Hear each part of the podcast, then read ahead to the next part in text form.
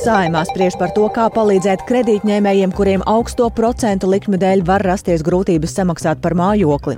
Raidījumā pusdiena dzirdēsiet, vai izskan arī reāli problēmas risinājumi. Reizeknē no darba skolā atstādināti vairāki pedagoģi, kuri nav izturējuši valsts valodas centra pārbaudas. Skaidrosim, kā mazākumtautību skolās risina mācību spēku trūkumu. Bija, protams, ļoti grūti. Jā, nu, mēs zvanījām Novada skolam, mēs zvanījām pilsētas skolam. Jā, nu, atradām Bet pasaules uzmanības centrā Ziemeļkorejas un Krievijas līderu tikšanās raidījumā vērtēsim, kā Krievijas vēlme iegūt izolētās valsts ieročus ietekmēs globālo situāciju. Arī par to jau tūdaļ plašāk raidījumā pusdiena. Piecas minūtes pāri 12. un tas ir ziņu raidījuma pusdiena laiks, kurā plašāk skaidrosim šodienas 12. septembra būtiskākos notikumus. Studijā Dāca Pēkšēna, esiet sveicināti! Reizeknes otrajā vidusskolā seši pedagoģi atstādināti no darba pēc valsts valodas centra veiktajām latviešu valodas pārbaudēm. Tas ir līdz šim lielākais konstatēto pārkāpumu skaits Latgalē mazākumtautību izglītības iestāžu vidū. Un tā kā atstādināto skolotāju vietā jau ir pieņemti darbā citi un mācību process nav cietas, tad skolas direktoram satraukumu par to nav un arī Reizeknas izglītības pārvaldē šīs pārbaudes vērtē pozitīvi. Savukārt valsts valodas centru satrauc tendence, ka izglītības iestādēs uzzinot par šīm valodas centra pārbaudēm, daudzi pedagoģi aiziet no darba vai arī atver slimības lapu un plaši plašāk par to Lauras Ieviņas sagatavotajā ierakstā. Pārbauda sākas 24. augustā. Apmēram 50 pedagoģi jau pārbaudīti, 6 pedagoģi atstādināti. Valsts valodas centra valsts valodas lietojuma pārbaudes Reizeknas otrajā vidusskolā noslēdzas šodien. Par tās rezultātiem stāsta skolas direktors Igors Sergejevs. Pieciem izbeidzam darba attiecības pēc pušu vienošanās, un viena tikai atstādināta līdz trim mēnešiem. Ja? Piecam pedagogiem vajag vēl pārbaudi iziet. Kā vienu no iemesliem, kāpēc pedagoģi neizturēja pārbaudi, Igors Sergejevs min uztraukumu. Divi no sešiem ļoti labi runāja latviešu valodu, bija pārbaudas mācību gada laika, tur nekādas problēmas nebija. Mm, bet četriem skolotājiem, nu jā, vajadzētu latviešu valodas zināšanas labāku. Šobrīd astoņiem otrās vidusskolas pedagogiem ir darbnespēja. Situāciju komentē pilsētas izglītības pārvaldes vadītājs Arnolds Drelings. Slimības lapas um, valsts valodas var būt, ka uh, problēmu dēļ pēc direktora informācijas uh, tādi ir 3-4 pedagoģi. Nevaram jau mēs tur zināt, kāpēc paņemt ir slimības lapa. Ja? Jāpiezīmē, ka pēc valsts valodas centra informatīvās vēstules izsūtīšanas par plānotajām pārbaudēm Reizeknes otrajā vidusskolā darba tiesiskās attiecības, nesagaidot pārbaudes, izbeidza 13 pedagoģi, informē Centra valodas kontrolas reģionālā reģionālās nodaļas vadītājs Vilnis Kušķis. Pieļauju, ka apstākļi varētu būt dažādi, kā arī iespējams daži no pedagogiem nav vēlējušies veikt šo valsts valodas lietojumu pārbaudi. Reizeknas pilsētas izglītības pārvaldes vadītājs Arnolds Drelings gan norāda, ka pedagoģu rotācija pilsētā kopumā esot liela. Nebūt ne galvenais iemesls ir pedagoģu valodas zināšanas vai nezināšanas, bet tur iemeslu ir nu, vesela jūra. Ja? Sākot ar varbūt pedagoģu vecumu slimībām. Šobrīd gan mācību process Reizeknas otrajā vidusskolā pēc veiktajām pārbaudēm nav apstājies. Darbā ir pieņemti 18 jauni pedagoģi. Protams, ka ne visi strādā uz pilnu slodzi. Izglītības pārvaldes vadītājam Arnoldam Drelingam sešu Reizeknas otrās vidusskolas pedagoģu atstādināšana no darba nepietiekamu valsts valodas zināšanu dēļ nesot bijis pārsteigums. Iepriekšējā gada laikā mēs situāciju monitorējām, bija nu, izveidota tāda kā riska grupa ar tiem pedagogiem, kuriem ir nu, nepieciešams uzlabot savas valodas prasmes. Tie bija apmēram astoņi pedagoģi. Jāpiezīmē, valsts valodas centras pārbaudes Latvijas izglītības iestādēs, kurās līdz šim bija mazākuma tautību programmas, uzsāka augusta beigās. Citu vietu pārkāpumi nav konstatēti. Viennozīmīgi gan tāpēc šobrīd nevar apgalvot, ka visiem pedagogiem ir labas zināšanas. Jo ir jau jāsaprot, ka, piemēram, tiklīdz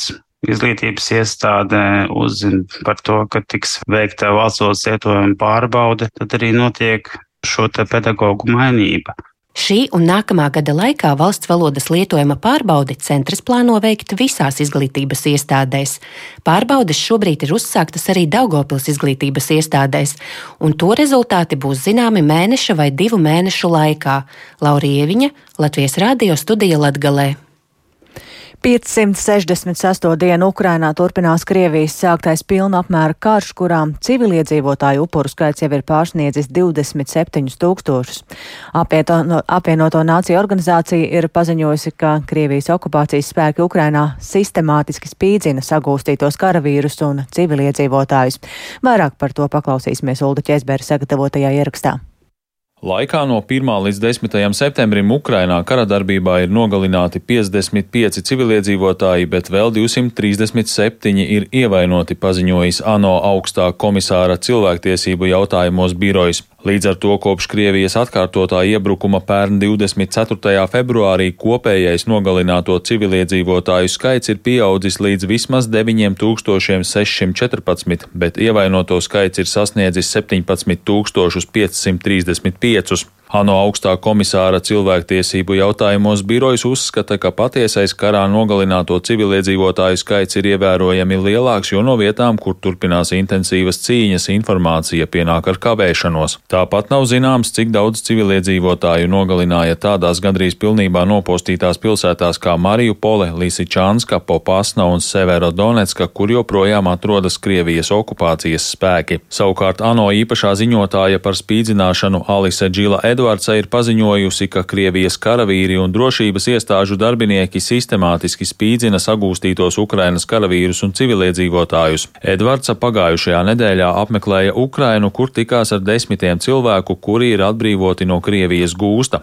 Šo cilvēku liecības apstiprinot, ka spīdzināšana ir viens no Krievijas ieročiem karā pret Ukrainu. These grievous acts cannot be assessed Šie smagie nodarījumi nav nedz ārpus kārtas, nedz nejauši, bet drīzāk organizēti kā daļa no valsts politikas, lai iebiedētu, iedvestu bailes, sodītu vai izspiestu informāciju un atzīšanos.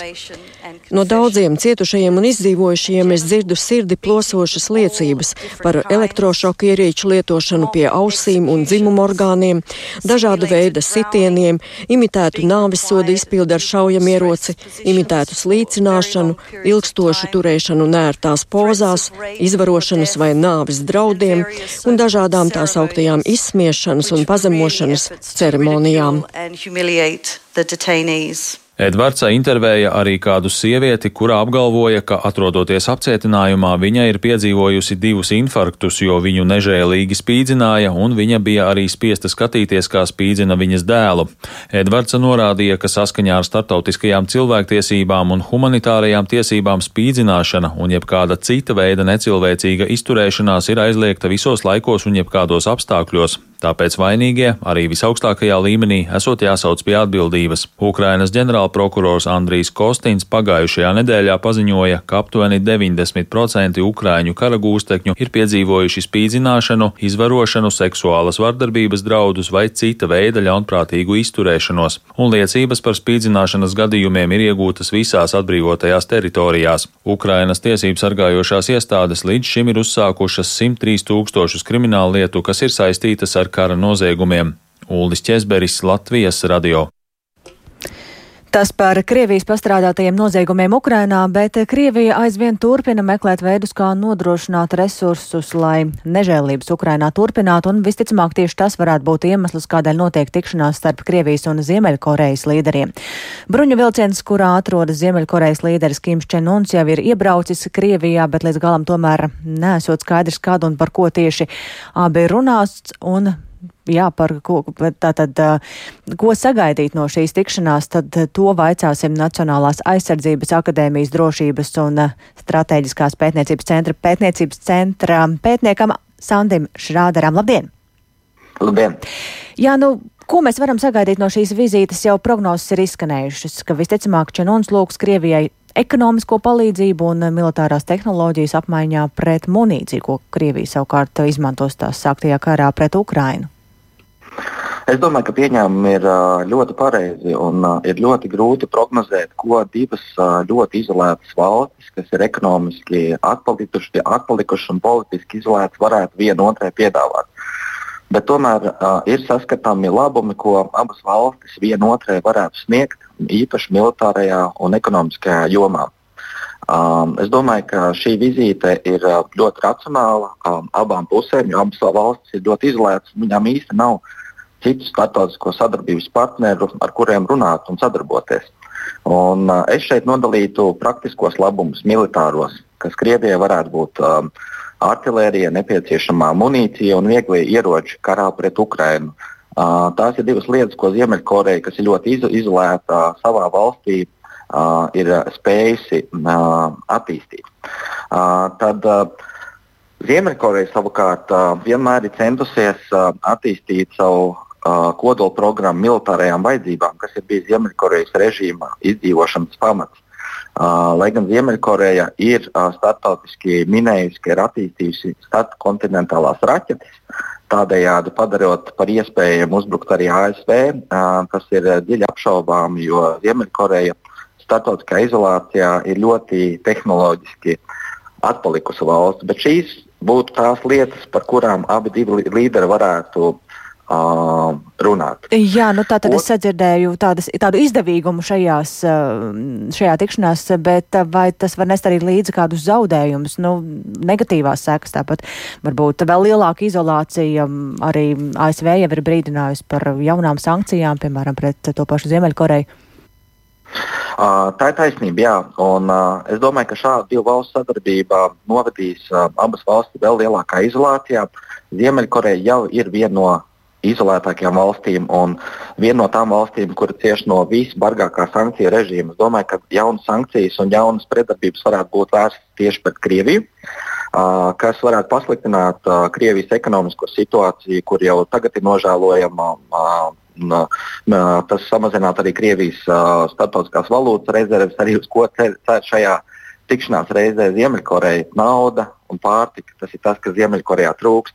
Bet uh, no starptautiskās sabiedrības ASV jau ir minējis to, ka uh, ja Ziemeļkoreja uh, piegādās uh, Krievijai ieročus, tad būs bargas sekas. Es domāju, ka ļoti labi, ka nav tāda publiska plāna vai kaut kādas darbības, kas ļautu Ziemeļkorejai racionāli izsvērt iegūmus un zaudējumus, ja gadījumā šī ieroča piegāde Krievijai notiktu. Uh, tas nozīmē, ka abi līderi tiksies un būs tāda cietumnieku dilemma, ka Kims Čenuns īsti nezinās, kāda varētu būt šī pretdarbība. Un viena no šīm pretdarbībām varētu būt tāda, ka ASV varētu vērsties par Ķīnu, jo Ķīna ir vienīgā valsts, kas ir noslēgusi aizsardzības līgumu un devusi garantijas Ziemeļkorejai. Es domāju, ka tas ir tāds liels ierocis rietumu demokrātiju rokās, ka ASV ir spējīgi ietekmēt Ķīnu un Ķīnu tālāk Ziemeļkoreju. Uh, jā, un tad uh, pavisam īsi par to starptautisko sabiedrību, kā tad uz to reaģēt? Um? Es domāju, tā, ka tādā globālā mērā, mērogā rietumu demokrātijām ir jādara tas, ko mēs esam darījuši. Ir spiediens uz, uz uz Ķīnas Tautas Republiku un Ziemeļkoreju par to, lai Ziemeļkoreja ievērotu starptautisko atomieroču neizplatīšanas līgumu. Tas pats arī attiecās uz Krieviju. Otrs ir tas, ka Krievija ir ieinteresēta saņemt ieroču piegādes, kas viņai praktiski nepieciešams kara darbībā pret Ukrajinu, jo arī viņa ir iztukso, iztukšojuši savas, savas uh, ieroču rezerves. Tas nozīmē, ka Eiropai un ASV ir aktīvi jāturpina atbalsts Ukrajinai.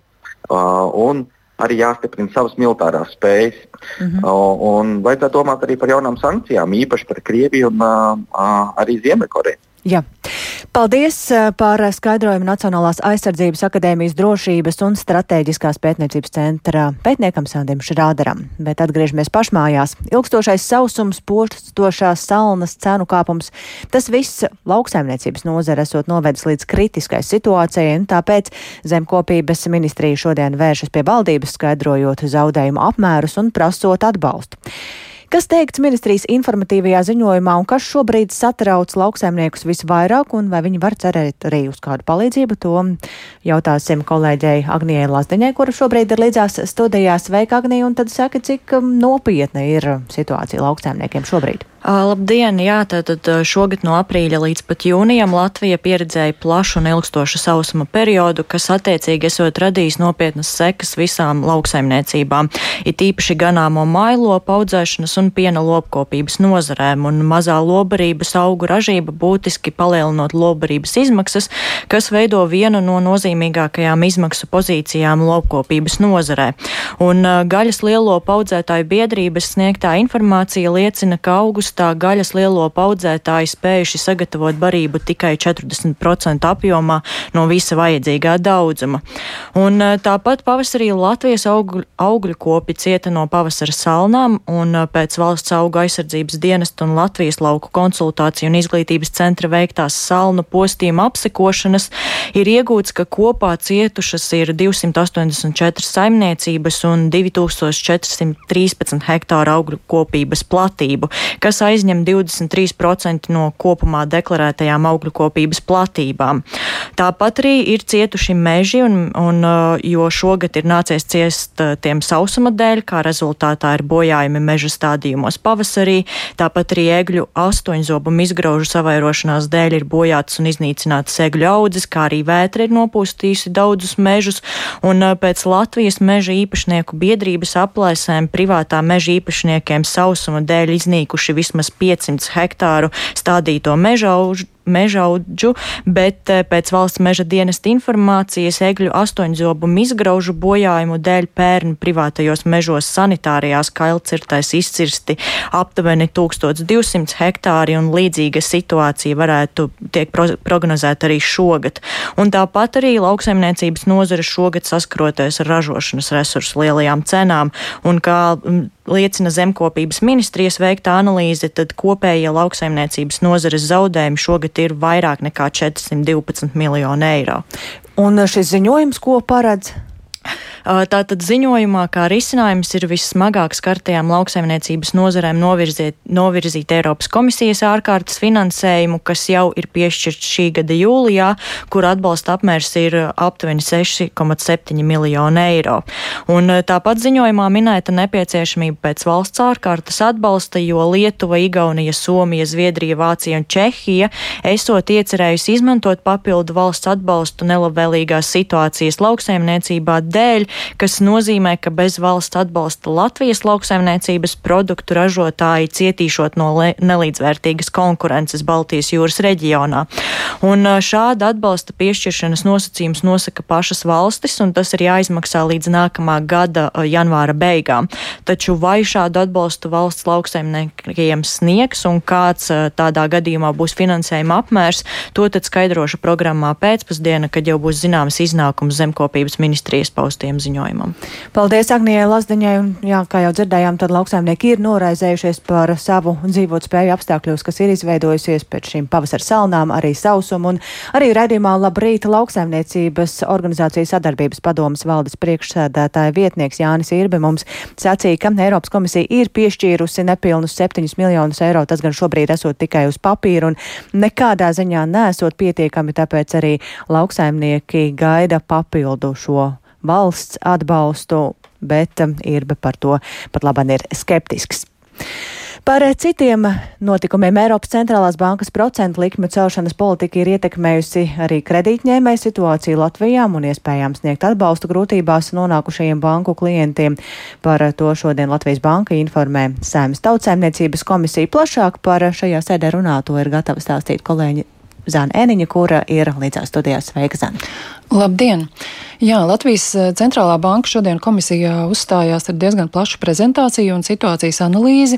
Un secinājums ir tāds, ka Eiropas centrālās bankas politika inflācijas mazināšanā ir izraisījusi ekonomikas sabremzēšanos Latvijā, bet vislielākajā mērā tā ietekmē tieši mājasēmniecības, kurām ir mājokļa kredīti, jo šiem cilvēkiem ir jāiztur ne tikai arvien augošā inflācija, patēriņu cenu kāpums, kas smagi ietekmē pilnīgi visus, bet arī pieaugušie kredītmaksājumi maksājumi.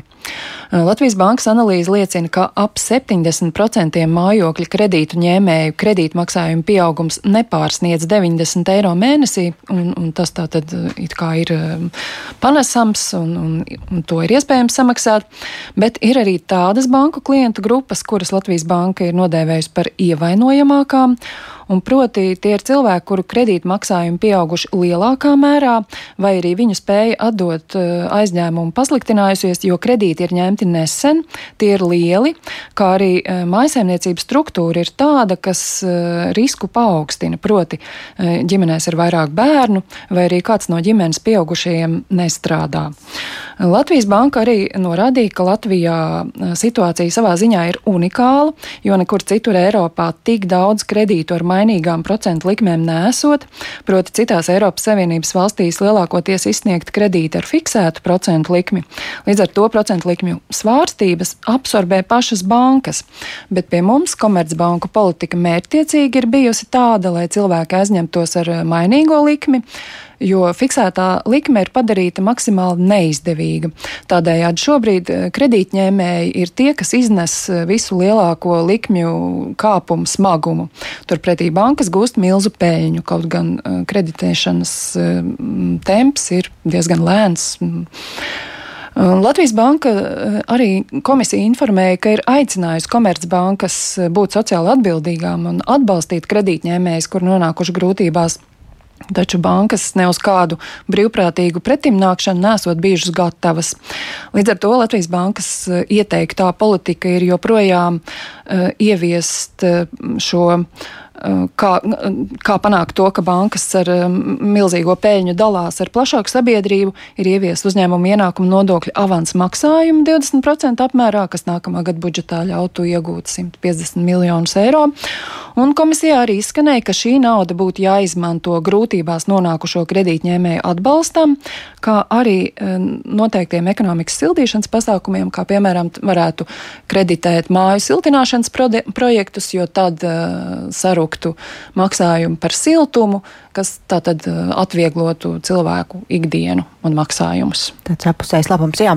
Paldies Zanai Eniņai par šo skaidrojumu, un tas noteikti arī būs viens no tematiem, kuram būs jāpievēršas jaunajai valdībai. Taču trīs eh, dienas līdz valdības apstiprināšanai ministru portfeļu sadalījumu premjera amatam nominētā Evika Siliņa no jaunās vienotības aizvien neatklāja. Taču topošās valdības veidotāji ir sagatavojuši valdības deklarācijas melnrakstu, ko rīt apspriedīs ar sociālajiem partneriem. Saima par jaunās valdības apstiprināšanu tātad ir paredzējusi lemt piekdienu, bet par politiķu teikto pēc šī rīta tikšanās vairāk ir gatavs stāstīt kolēģis Jānis Kīncis, kurš pievienojas tiešai dzirdējis. Sveiks, Jāni, un saki, kāpēc ir tāda kavēšanās joprojām vērojama nosaukt konkrētus ministra amatu, šo ministra amatu sadalījumu?